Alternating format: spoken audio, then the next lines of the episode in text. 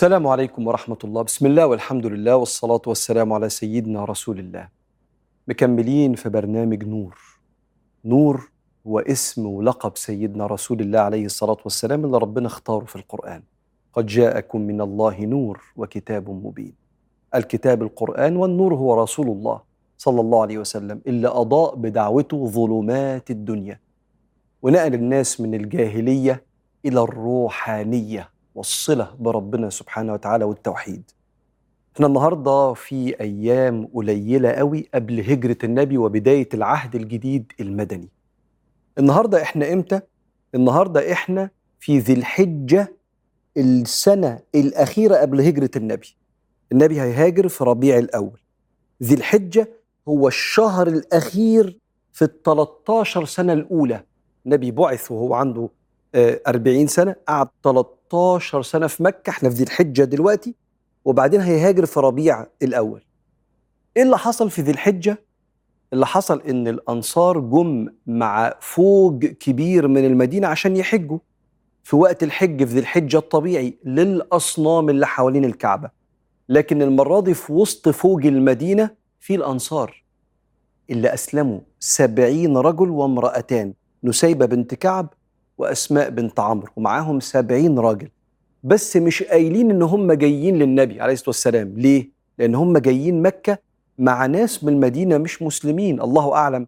ممكن حد يفتن عليهم فيبلغ مكة فتقوم حرب فالأمر ساكن وهادئ وفي السر. وصلوا قرب مكة فخيم كل آه، الفوج اللي جاي من المدينة وقام على طول قايم سيدنا مصعب بن عمير عشان يشوف النبي. النبي وحشه. فدخل على طول على سيدنا النبي عليه الصلاة والسلام واستقبلوا النبي وقعد يكلم سيدنا رسول الله عن سهولة الأنصار وسرعة إقبالهم على الإسلام واستبطائهم لرسول الله. هو النبي ما جاش لغاية دلوقتي ليه؟ استبطأوا النبي يعني النبي وحشهم نفسهم إن هو يسرع ويجي لهم فعرف منه النبي الأخبار ووصاه إنه يروح يسلم على أمه لأن أمه اتضايقت إنه راح للنبي وأمه كانت مشركة. اتضايقت إنه راح للنبي قبل ما يعدي عليها فقالت له يا عاق تأتي. إلى مكة ولا تسلم علي في أول من تسلم؟ فقال لها ما أقدرش إلا أن أرى رسول الله اولا.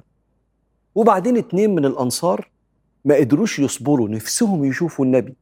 فقاموا طالعين من وسط إيه الفوج اللي جاي من المدينة اللي فيه المشركين وفيه المسلمين وراحوا بسرعة ويدوروا على النبي يسألوا فين؟ فعرفوا إنه في بيت العباس خبطوا عليه عايزين نشوف النبي ونقابلك. فالعباس قال لهم استنوني في منطقة العقبة قرب مكة كده. وأنا هاجي لكم أنا والنبي عليه الصلاة والسلام ومن هنا جت فكرة بيعة العقبة عشان المنطقة دي. بيعة يعني اتفاق. السبعين أنصاري وامرأتين جايين علشان يتفقوا مع النبي هيجي لهم إمتى؟ عليه الصلاة والسلام ويسلموا عليه ويشهروا أمامه. طبعا هم مسلمين بس يعني يبيعوه على الإسلام. ويتفقوا معاه على نصرته. طلع سيدنا العباس ابن عبد المطلب عم النبي. كتير من روايات السير بتقول إنه كان مسلم بس بيخفي إسلامه حماية للنبي. وبعض الروايات تقول لا ما كانش مسلم بس كان واقف جنب النبي مكان أبو طالب. ويروح ويوصل للعقبة. بس لما وصل للعقبة كان السبعين راجل وامرأتين خرجوا بشيء من التخفي كده من غير ما يزعجوا أي حد وتخفوا وخرجوا ووصلوا هم كمان للعقبة. وجلس العباس. وجلس النبي ثم قام العباس. وقال أيها الناس إنكم تعلمون أننا مع محمد في عزة ومنعة وأننا منعناه من أن يؤذوه قومه. فإن أخذتموه لتنصروه فافعلوا وإلا فاتركوه فإنه في عزة ومنعة. فقام واحد من الأنصار اسمه البراء بن معرور. كل دي أسماء جديدة بتظهر كانت عايشة في المدينة. قال يا رسول الله خذ لنفسك ما شئت. أؤمر يا سيدنا النبي. فقال بايعوني على أن تمنعوني مما تمنعون منه أنفسكم ونساءكم. يعني أنا هاجي وأعيش في وسطكم وهنشر الدعوة وتساعدوني على كده. لو حد عاداني ساعدوني إن إحنا نعرف ندافع عن نفسنا. فقال البراء بن معرور والله رسول الله لنمنعنك مما نمنع منه أزورنا. إزار اللي هو الحتة اللي بتتلبس تحت القطعة اللي بتتلبس تحت. يعني هنحميك زي ما الإنسان بيحمي شرفه ولبسه. يعني كلمة كان بيطلقها العرب على قمة النصرة. فافعل ما شئت يا رسول الله. فقام أسعد بن زرارة. أول من خطب الجمعة حكيت لكم عنه المرة اللي فاتت. فقال يا رسول الله على ما نبايعك؟ يعني هنعمل إيه مع حضرتك؟ قال تبايعونني؟ نتفق على السمع والطاعة في المنشط والمكره في وقت القوة ووقت الضعف. وأن تأمروا بالمعروف وتنهوا عن المنكر وتحموني مما تحمون منه أنفسكم وأزواجكم وأبناءكم. فقام الناس يبايعوا النبي فاسعد بن زرار قال لهم استنوا. هو كان سنه صغير. قال إنكم تعلموا أن مبايعة رسول الله فيها مفارقة العرب وأن تعضكم السيوف. أنتوا عارفين إن إحنا لو بقينا مع سيدنا محمد ممكن كتير من العرب ما يسمحوا لناش إن إحنا نؤمن بربنا فيحاربونا فالسيوف هتعضكم. فقالوا دع عنا يدك يا أسعد والله لا نقيل ولا نستقيل. يعني إحنا عمرنا ما هنسيب النبي ولا هنطلب منه إن هو يسيبنا ابدا. فقال النبي عليه الصلاة والسلام فإن فعلتم فلكم الجنة. فقام الناس يبايعوا النبي عليه الصلاة والسلام. فقام أبو الهيثم ابن التيهان فقال يا رسول الله إن بيننا وبين القوم حبال يقصد يهود المدينة وإنا لقاطعوها. أفإن أظهرك الله ستتركنا؟ فقال صلى الله عليه وسلم لا بل الدم الدم الهدم الهدم. هي كلمة شكلها غريب على المسامع شوية بس هي معناها عند العرب إن دمنا بقى واحد يعني بقينا عيلة واحدة. والهدم الهدم يعني أنتم لو في سبيل ربنا سبحانه وتعالى ناس كانت بتعاديكم وأنتم مسالمين فهدمتم العلاقة معاهم أنا أبني العلاقة معاكم. كما هدمتم أنا كمان أهدم مع من يعاديكم ويعادينا ونبقى عيلة واحدة مسالمين لا إكراه في الدين. عايزين نعبد ربنا وننشر ديننا بسلام. فإن عدا علينا الناس إحنا دم واحد وعيلة واحدة. فقام الناس يبايعوا النبي صلى الله عليه وآله وسلم ومن هنا انصرف السبعين رجل وامرأتان عشان يرجعوا للمدينة ويدي النبي الإذن لأهل مكة المسلمين إن هم يهاجروا وشهور قليلة في ربيع الأول يهاجر سيدنا النبي عليه الصلاة والسلام. مشهد بيعة العقبة الثانية بالنسبة لي مشهد كله جدية في تحمل مسؤولية دعوة سيدنا رسول الله عليه الصلاة والسلام. الدعوة اللي كلها رحمة وأخلاق وبناء للنفس وللأوطان وللحضارة. معاني هم كانوا مفتقدينها. ويمكن ده في أسرار كتير. يمكن ده سر من أسرار تمسك الأنصار بالنبي إنه أوجد عليه الصلاة والسلام لحياتهم معنى. هم كانوا عايشين بياكلوا ويشربوا عندهم شهواتهم مفيش حاجة بتحكمهم من السماء. فالمزاج هو اللي بيحكم والقوي بيأكل الضعيف وبيسيء الجوار. هم اتكلموا عن نفسهم كده. فلما لقوا حد عنده رحمة ومنطق مسكوا فيه واستعدوا إن هم يفدوا يفدوه بأرواحهم عشان نصرة فكرته الرحيمة المنطقية. والبني آدم لما بيلاقي لحياته معنى خسارة إنه يفرط فيه. خليك زي الأنصار كده. مادام اتفقت مع نفسك على الجدية في الحياة عيش بالمعنى الغالي ده لغاية ما تقابل ربنا.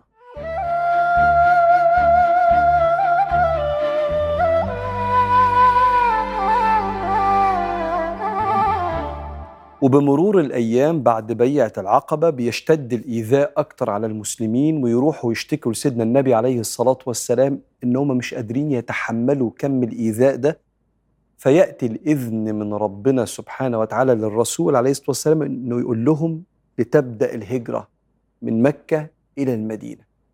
فهاجر سيدنا عمار بن ياسر وهاجر سيدنا بلال بن رباح وسيدنا سعد بن أبي وقاص وجه سيدنا عمر بن الخطاب لعلمه بقوته عايز يساعد الناس لأن الناس كانت بتهاجر في الخفاء.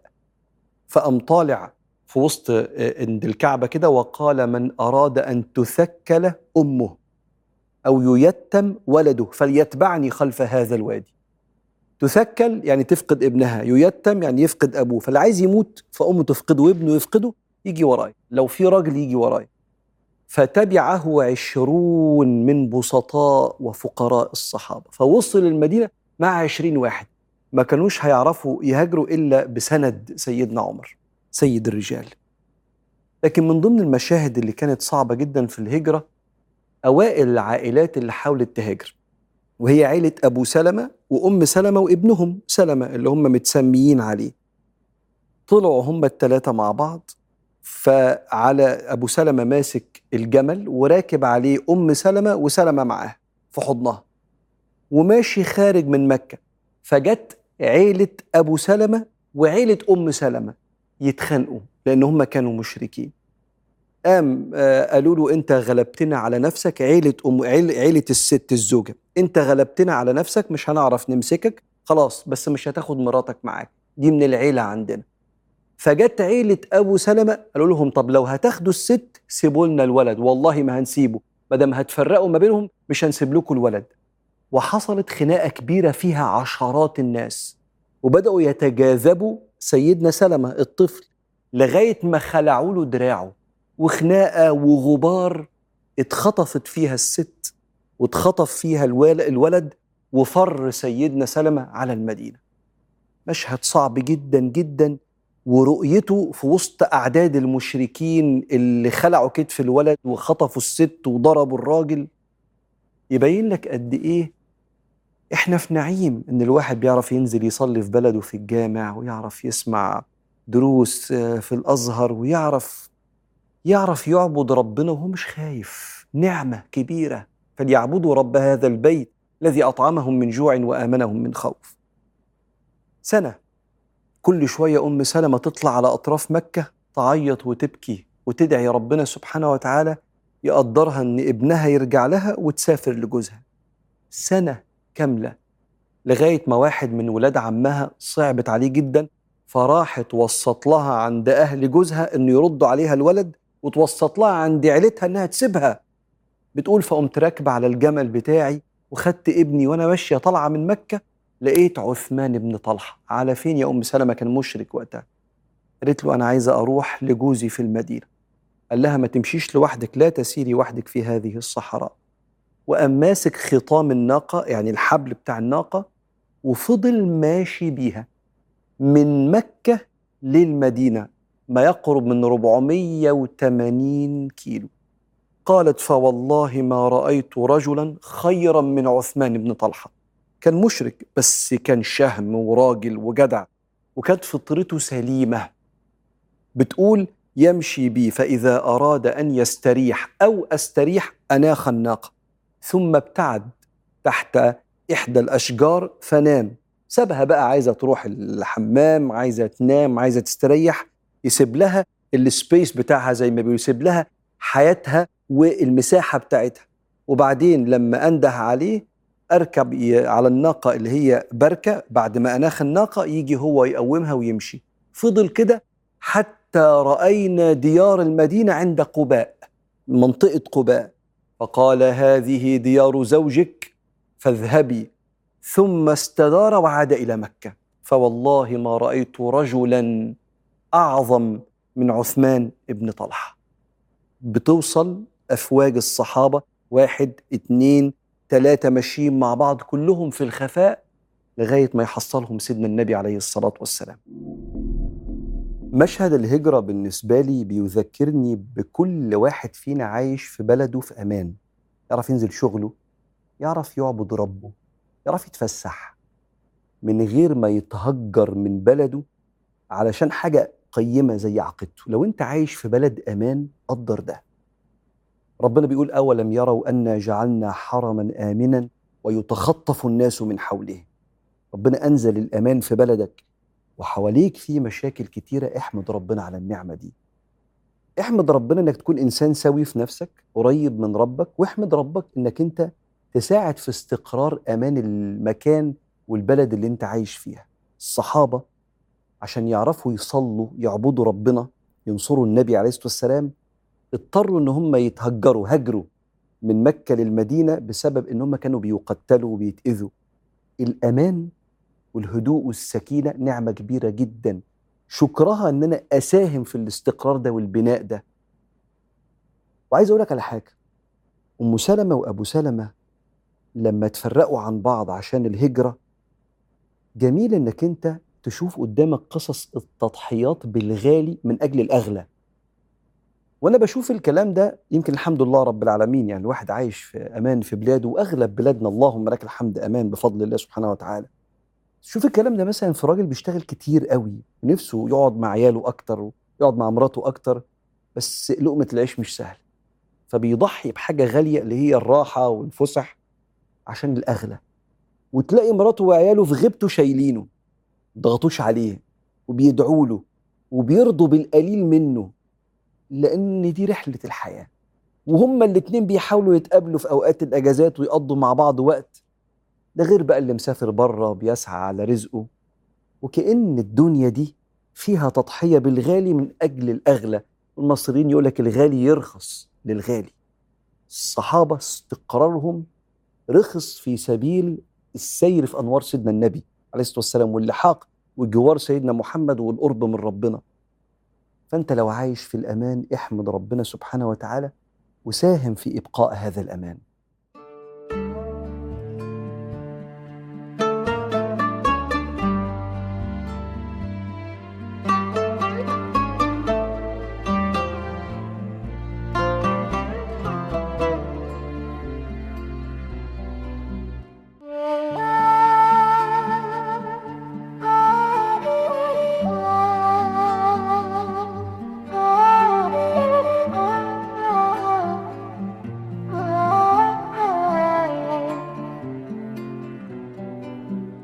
لكن من قصص الهجرة العجيبة للصحابة قصة عياش بن أبي ربيعة وهشام بن العاص.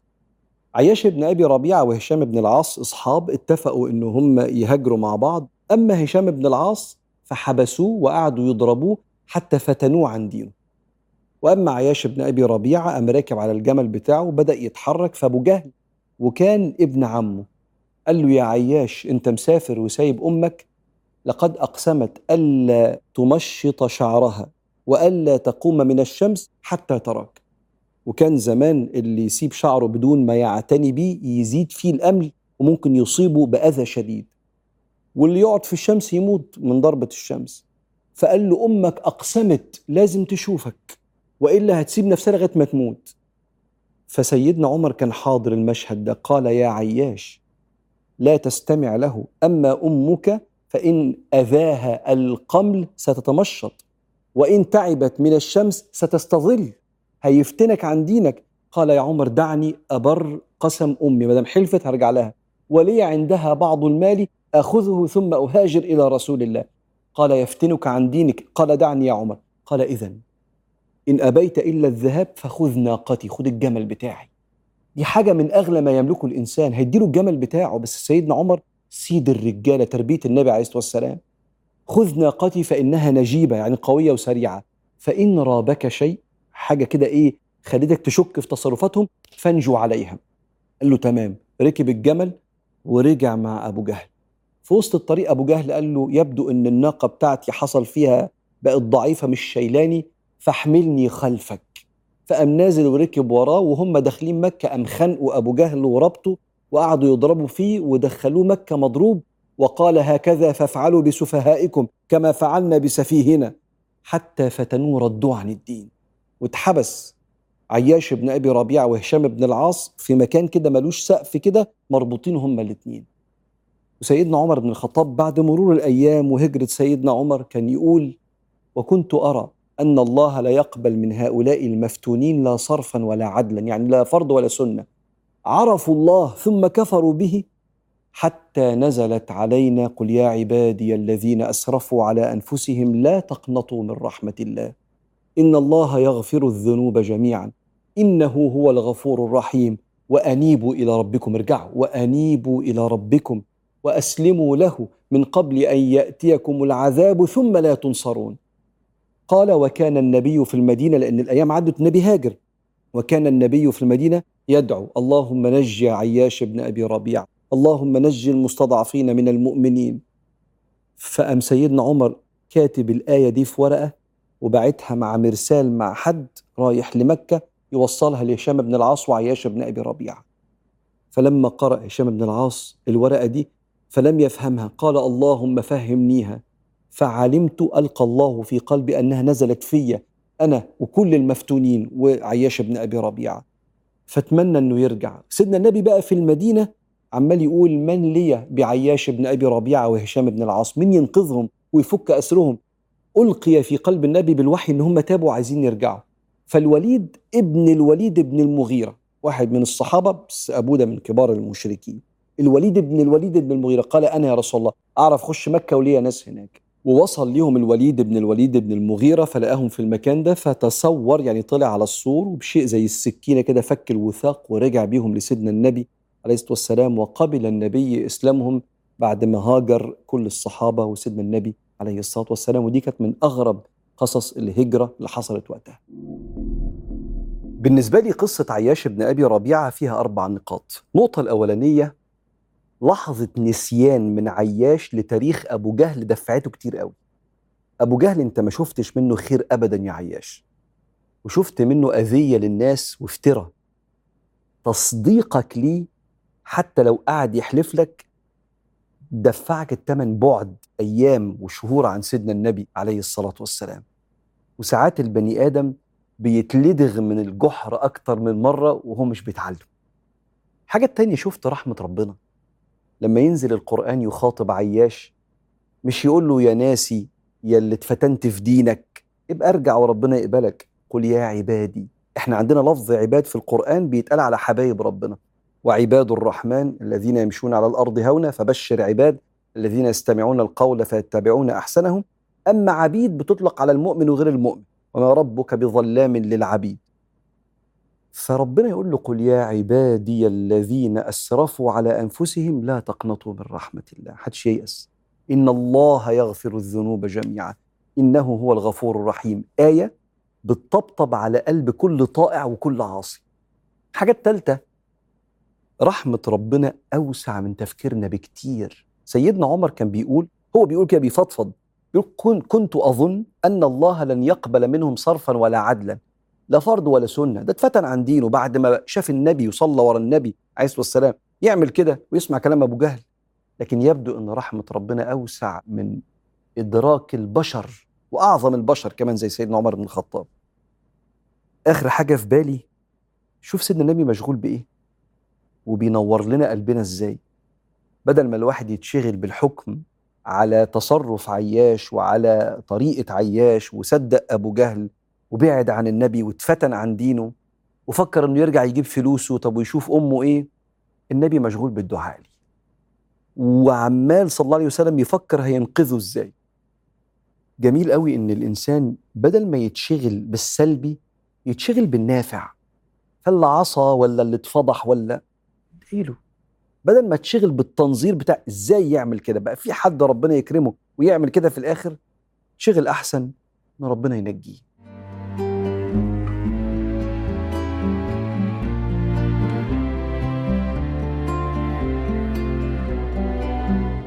واحكي لك قصة كمان من قصص الهجرة الشريفة جدا قبل ما نوصل لهجرة النبي عليه الصلاة والسلام. هجرة صهيب بن سنان أو صهيب الرومي.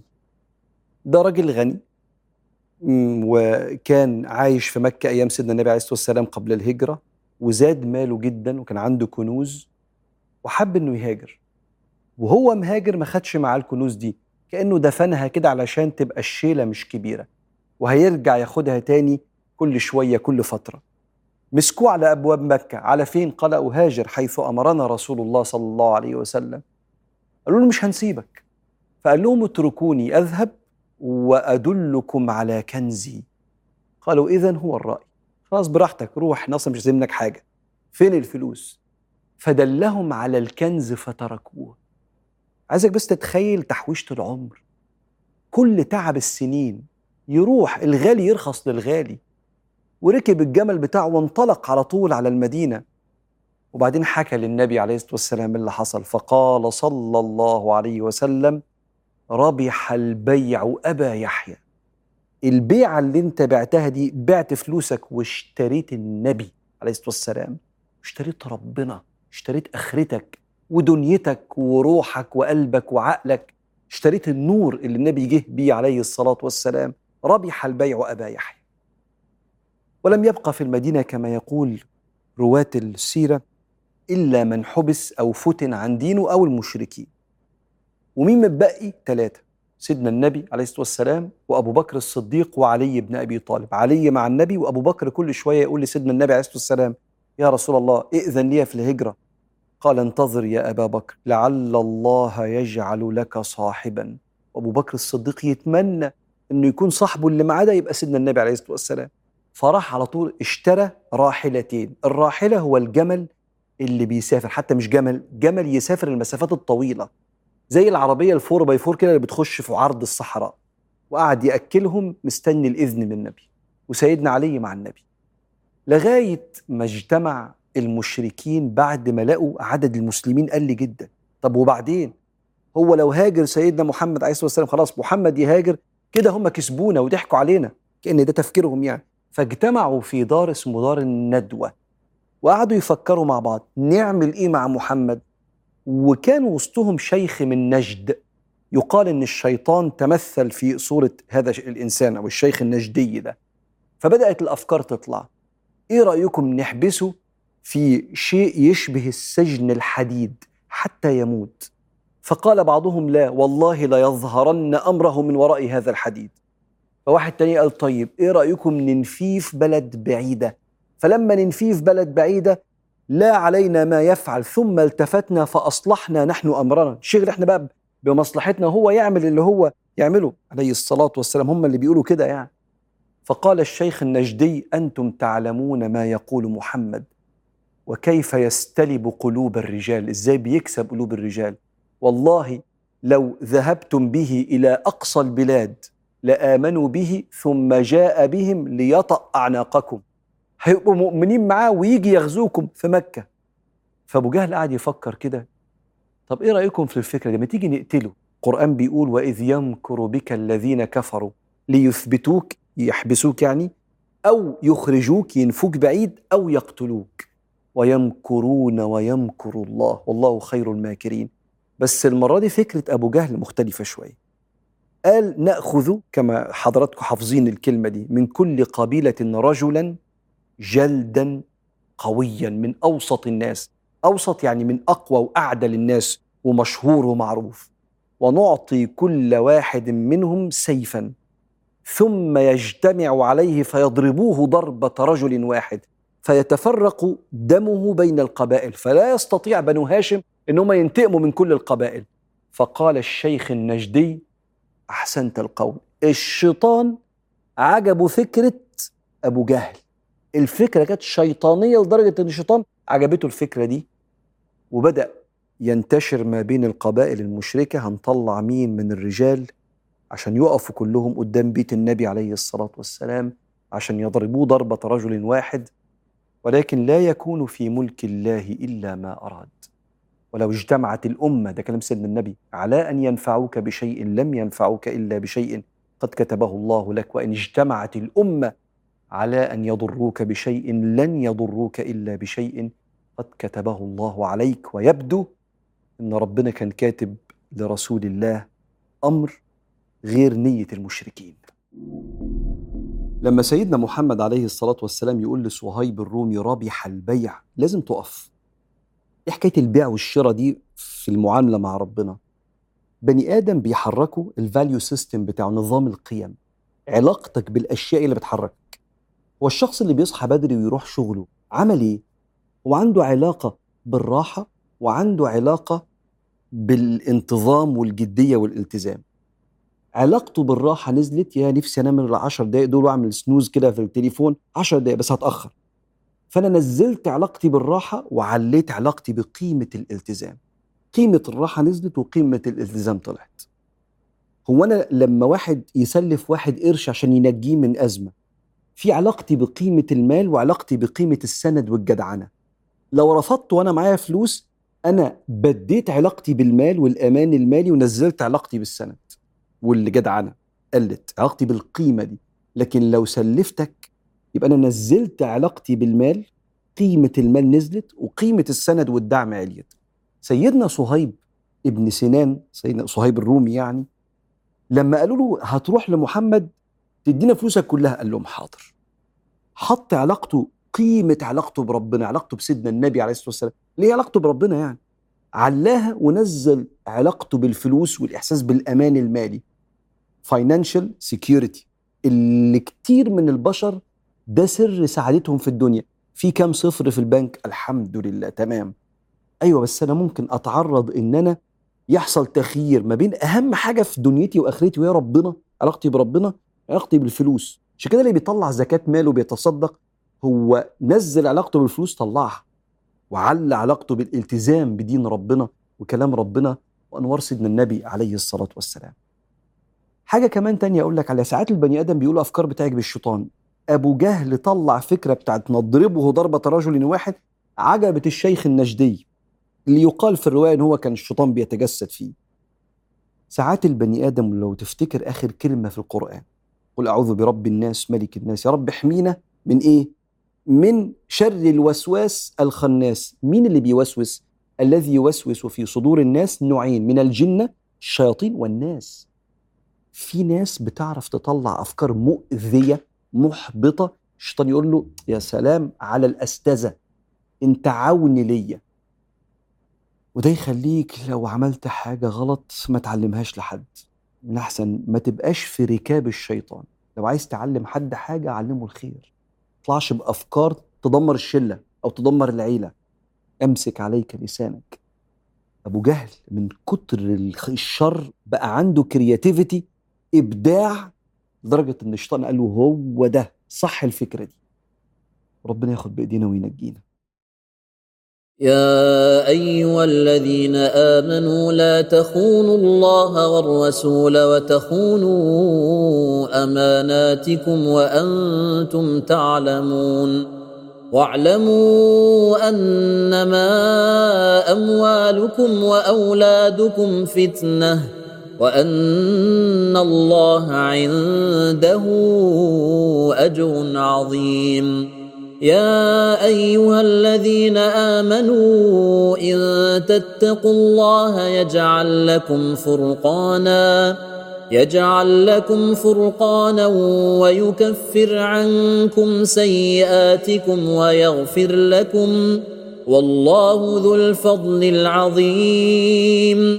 واذ يمكر بك الذين كفروا ليثبتوك أو يقتلوك أو يخرجوك ويمكرون ويمكر الله والله خير الماكرين واذا تتلى عليهم اياتنا قالوا قد سمعنا قالوا قد سمعنا لو نشاء لقلنا مثل هذا إن هذا إلا أساطير الأولين.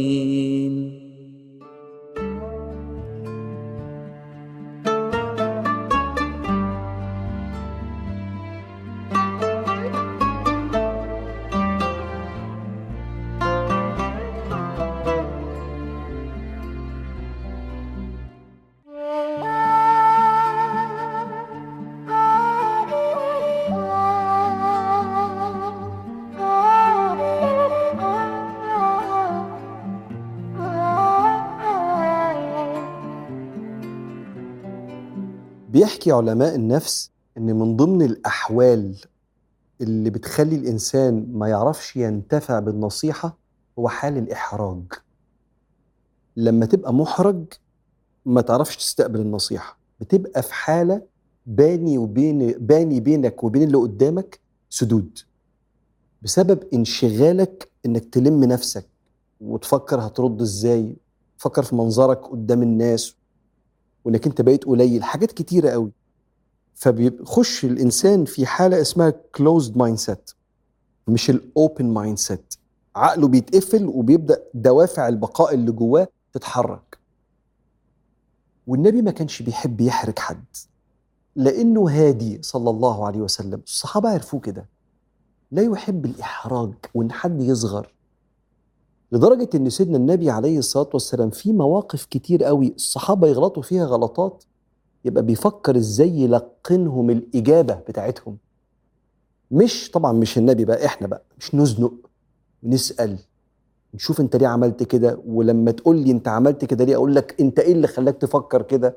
فتتأسف فأقول لك وأنا أصرف الأسف ده منين؟ ما أنت ياما بتعمل. ويبدأ يضغط يضغط الإنسان وينتهي الموقف بكم من العكارة لا تنفع اللي بيلوم وبيحرج ولا تنفع المحرج اللي أخطأ. فتلاقي الموقف خلص من غير أي إضافة. بل زهقنا من بعض وتخلي اللي قدامك لما يجي يغلط بعد كده يغلط بعين قوية علشان يدافع عن نفسه من الإحراج. ما هو البني آدم لما بيخش في مشاعر سلبية عقله بيقول له إزاي تحمي نفسك من المشاعر دي؟ فأنت مش هتحرجني تاني. فأنا هغلط وأبخ فيك عشان ما تحرجنيش. جه النبي بقى شال ده كله وعمل لهم قيمة حتى لما يغلطوا. سيدنا عبد الله بن مغفل بيقول في غزوة خيبر كان مفيش أكل وأصابتهم مجاعة. قال فوجدت جرابا من شحم شوية لحمة كده عليها شوية دهن لقيته مرمي كده. فقلت والله هذا لي لا أعطي احدا. فنظرت فإذا رسول الله صلى الله عليه وسلم ينظر إلي ويبتسم. كأن النبي عليه الصلاة والسلام قدر ربنا النبي كان واقف وهو لقى البتاع. والله ما أنا مدي حد. كان عايز يقول له يعني الناس كلها جعانة وأي حد هيلاقي حاجة هنقسمها كلنا. بس ابتسم له النبي عليه الصلاة والسلام والنبي لما كان بيبتسم الصحابة يقولوا كده فإذا ابتسم كان وجهه كأنه قطعة قمر صلى الله عليه وسلم. بس الرسالة وصلت بأشيك طريقة. وما تستغربش إن الصحابة كان يقولوا كنا نجلس إلى رسول الله بعد الفجر. فنتحدث في الدنيا فيتحدث معنا. فنتحدث في الآخرة فيتحدث معنا. فنتحدث عن الطعام فيتحدث معنا. كل قعدتكم حلوة. مادام بتتكلموا كلام مش حرام أنا معاكم. ومبسوط. وكنا نتذاكر بعض أمر الجاهلية. كنا بنعمل إيه قبل الإسلام؟ فنتكلم. وهو يبتسم صلى الله عليه وسلم. وإحنا عمالين نفتكر قد إيه إحنا كنا نعبد صنم من عجوة في البيت عشان بردانين نعبده عند الكعبة فنعمله من العجوة بعدين نجوع نقوم واكلينه. فنفتكر فين عقولنا ويضحك النبي يبتسم.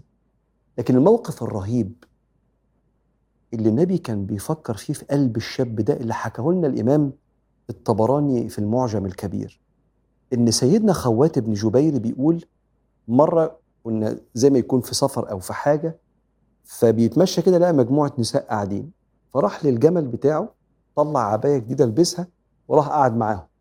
فالنبي معدي فبيقول له يا خوات كأنه بيسأله يعني أنت جالس هنا ليه؟ في شيء معين؟ قال فلما رأيت رسول الله هبته واختلطت ارتبكت. فقلت يا رسول الله شرد لي جمل وأنا أبحث له عن قيد. في جمل جري وأنا ما عنديش حبل ليه. فكنت بسأل بس عن الحبل حضرتك. قال له طب تمام ومشي. شوية فما يراني رسول الله إلا يسألني ما فعل شراد جملك؟ إيه الأخبار؟ الجمل ولقيت له فقال له لسه يا سيدي النبي بدور وبعدين بعد شوية كنت ماشي مع النبي فقال لي طب تعالى معايا عشان كان عايز يخش وسط الشجر يقضي حاجته. فدخل النبي صلى الله عليه وسلم فقضى حاجته ثم خرج ولحيته تقطر من الماء اتوضى. فأول ما شافني قال يا خوات كيف فعل شراد جملك؟ فقلت يا رسول الله لا لسه ما لقيتش البتاع. يقول فمشينا ورحنا المدينة وأنا عمال أحاول أتلاشى إن أنا أشوف النبي أو أقعد في مجلسه. ففي يوم من الأيام لقيت المسجد النبوي فاضي دخلت أصلي ركعتين فخرج النبي من أوضته من غرفته الشريفة فقام مصلي ركعتين بسرعة كده وبعدين قعد وأنا قعدت أطول رجاء أن ينصرف عني فقال طول ما شئت لن أنصرف. براحتك. فلما قضيت الصلاة قمت لافف وقلت له يا رسول الله والله ما شرد لي جمل منذ أن أسلمت. أنا آسف والله. بصراحة الحق يتقال يعني أنا بصراحة يعني إيه كنت مكسوف فارتبكت فقلت كده. بس أنا من ساعة ما أسلمت مفيش جمل ضاع مني. فدعا لي النبي صلى الله عليه وسلم وابتسم. خير إن شاء الله ربنا يكرمكم. وكأنه دعا لي بالهداية. لطف. جمال. واخد راحته مع النبي. إحساس بالأمان. هو اختلط وطلعت منه الكذبة دي بس لما شاف وجه النبي وهو النبي مش عايز يحرجه ولا يقول له ما أنا عارف. أنا عارف ان عارف شباب اليومين دول مثلا أو لسه بقى أنت بتقعد مع البنات وأنا عمال أدعوكم إلى الله وأقربكم لربنا. جميل. فلما شافوه مش بيحرج حد كده خدوا راحتهم. فيجي له الشاب يقول له يا رسول الله الحقني أنا هقع في الحرام. ائذن لي في الزنا يا رسول الله. قدام الناس ائذن لي مش عن دين الإذن ائذن لي يعني الحقني. لأن مفيش إنسان سوي فضلا بقى إن يكون النبي. تقول له ممكن تديني إذن في الزنا؟ يقول لك حاضر. فبيقول له الحقني راح أقع في الحرام. فبدل ما النبي يقول له أنت إزاي تفكر في كده وأنت عايش معايا وبتصلي ورايا؟ يصغره قدام الناس يقوم قايل له مثال يخليه يقول إيه ده؟ لا أنا مش عايز ده يحصل. ترضاه لأمك؟ قال له لا. لأختك؟ قال له لا طبعا. أترضاه لخالتك؟ ترضى إن بنات عيلتك يحصل فيهم كده؟ قال له لا. قال وكذلك الناس. يا ابني وكذلك الناس لا يرضونه لا لأمهاتهم ولا لإخواتهم ولا لبناتهم. ثم رفع النبي يده وقال اللهم طهر قلبه وحصن فرجه. فقام ولم يفكر في الزنا بعدها. جمال النبي. ما كانش بيحب يحرج حد. عرفوه كده؟ فأحبوه.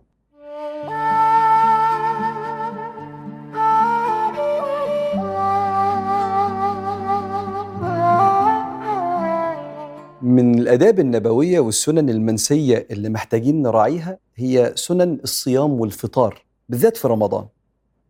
لأن الصيام عمل كبير قوي وربنا بيحبه وثوابه كبير قوي فيا سلام لو كمان بقينا ماشيين على سنة النبي عليه الصلاة والسلام في الصيام. فهقول لك على التسع سنن تواظب عليهم كده اللي تقدر منهم يعني عليه منهم. السنة الأولانية المواظبة على السحور. سحروا يا جماعة. حتى لو نمت وأنت مش قادر بس اصحى خد بق مية. قال صلى الله عليه وسلم تسحروا فإن في السحور بركة. السحور ده الوجبة دي فيها بركة. دام النبي قال اتسحر يبقى اتسحر. فيها بركة في الجسد وفي الروح كمان. حتى إن النبي عليه الصلاة والسلام قال ولو أن يجرع أحدكم جرعة ماء حتى بق مية حتى. طب أصحى حتى لو أنت ما بتحبش تتسحر وبتاكل قبل ما تنام عشان تصحى الصبح على الفجر يعني حتى خد بق مية. أما السنة الثانية ففي السحور نفسه تأخير السحور. سيدنا زيد بن ثابت بيقول تسحرنا مع رسول الله صلى الله عليه وسلم يا بختكم طبعا ثم قام إلى الصلاة فقلنا كم بين السحور والصلاة؟ قال مقدار قراءة خمسين آية. احسب كده الخمسين آية بيتقروا في قد إيه؟ وأنت ابقى تسحر قبل الفجر على طول. برضه لو ده مناسب لجدول يومك ونومك وصحيانك كده. ومنها ضمان إنك أنت تلحق تصلي الفجر مش تتسحر وتنام فالفجر ممكن يفوت عليك. أما السنة رقم ثلاثة فهي تعجيل الإفطار. سيدنا رسول الله عليه الصلاة والسلام بيقول لا يزال الناس بخير ما عجلوا الفطر. وأنت بتعجل الإفطار يعني يعني أول ما المؤذن يقول آه أهو الهمزة بتاعت الله أكبر معناها إن المغرب دخل. لأن الأذان إعلام بدخول الوقت. يعني المغرب دخل آه يا جماعة يلا اذن يا مؤذن. فلو قال الله بس حتى الهمزة بتاعت الله. معناها إن الوقت دخل فبيقول للناس يا ناس افطروا يا ناس المغرب اذن فمش لازم تستنى لغاية كل الأذان. أول ما تسمع الله أكبر ابقى عجل بالإفطار. دي من سنن الصيام ولا يزال الناس بخير ما عجلوا الفطر. السنة اللي بعد كده دعاء الإفطار. في دعوتين. الدعوة الأشهر لما تيجي تفطر تقول ذهب الظمأ وابتلت العروق وثبت الأجر إن شاء الله. والدعوة الأقل شهرة حديثها أضعف من الحديث الأولاني دعوة اللهم لك صمت وعلى رزقك أفطرت فتقبل مني إنك أنت السميع العليم، دول دعوتين. السنة اللي بعد كده تفطر على إيه؟ لو تقدر برضه لو تحب كده، النبي كان بيعمل كده عليه الصلاة والسلام. قال عليه الصلاة والسلام إذا أفطر أحدكم فليفطر على تمر فإن لم يجد فعلى جرعة ماء. تمر أو ماء وبعض الأحاديث التانية بتقول أو لبن فكأنك إيه بص كده إيه المناسب اللي تقدر تستقبله في بطنك أول ما تفطر وتحب تمر أو لو ما لقيتش ماء النبي كان بيعمل كده صلى الله عليه وآله وسلم. أيضا من سنن الصيام إنك تفطر صايم. وأنا بقول الكلام ده للناس اللي بتفطر صايم وللأمهات اللي بتعمل الأكل في البيت فبتفطر الأسرة كلها. قال صلى الله عليه وآله وسلم من فطر صائما فإن له مثل أجره لا ينقص من أجر الصائم شيء. يعني إيه؟ يعني أنا النهاردة أنت فطرتني فأنت خدت ثوابي بس من غير ما تاخده مني. هنعتبر هنعتبر يعني إن صيام اليوم فيه مليار حسنة وأكتر إن شاء الله عند ربنا. فأنت خدت المليار بتاعتك وخدت المليار بتاعتي وأنا خدتها. فكأنك النهاردة صمت يومين. أفكرك بحاجة؟ من صام يوما في سبيل الله باعد الله وجهه عن النار سبعين خريفا. يعني سبعين سنة. فدي من السنن المهمة جدا. أيضا من سنن الصيام الحفاظ على شياكة وأدب اللسان. سميها كده الحفاظ على آداب اللسان. لأن سيدنا النبي وصى على الموضوع ده بالذات. فقال إذا كان يوم صوم أحدكم فلا يرفث ولا يصخب ولا يجهل. وإن شاتمه أحد أو قاتله فليقل إني امرؤ صائم. يرفث يعني يقول كلام قلة أدب. كلام إباحي. يفسق يعني يقول كلام فيه شتايم. يجهل يعني يقل أدبه في كلامه ويعتدي وهو بيتكلم مع الناس. ولو حد قوم معاه خناقة فإن شاتمه أحد أو قاتله فليقل إني صائم أو إني امرؤ صائم. أنا محافظ على قلبي وعلى روحانيتي مع ربنا سبحانه وتعالى. آخر سنتين من سنن النبي عليه الصلاة والسلام وأدابه في الصيام رقم واحد زيادة الكرم في رمضان. كان النبي صلى الله عليه وسلم كما يقول الصحابة أجود الناس. وكان أجود ما يكون في رمضان. حين يأتيه جبريل فيدارسه القرآن. فأنت لو كريم بتطلع جنيه يبقى طلع اتنين بطلع عشرة طلع مية وكل واحد قدرته. لو أنت كريم في ألفاظك وجميل في احتوائك للناس خليك أحن وأكرم وأرحم كمان في الأيام المباركة دي. آخر سنة من السنن التسعة الدعاء. الدعاء لما تكون عند حد بيفطرك. دنيا كلها عزايم.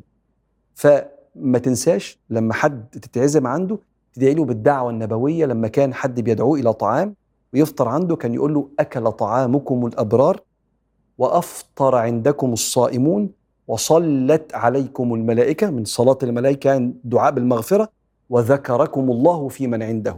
أكل طعامكم الأبرار أفطر عندكم الصائمون صلت عليكم الملائكة وذكركم الله في من عنده. دي تسع سنن وآداب نبوية عند الصيام. اللهم صل وسلم وبارك على سيدنا محمد. صلاة توصلنا إليه وتجمعنا عليه وتقربنا لحضرته وتمتعنا برؤيته ونحظى بعطفه ونفوز بمناجاته. اللهم اجعلنا من خواصك وأحبابك ومن الفائزين بعظيم عطائك. اللهم اجعلنا عندك في محل الصدق ورقنا في مراتب القرب فإنك يا مولانا نعم الإله ونعم الرب.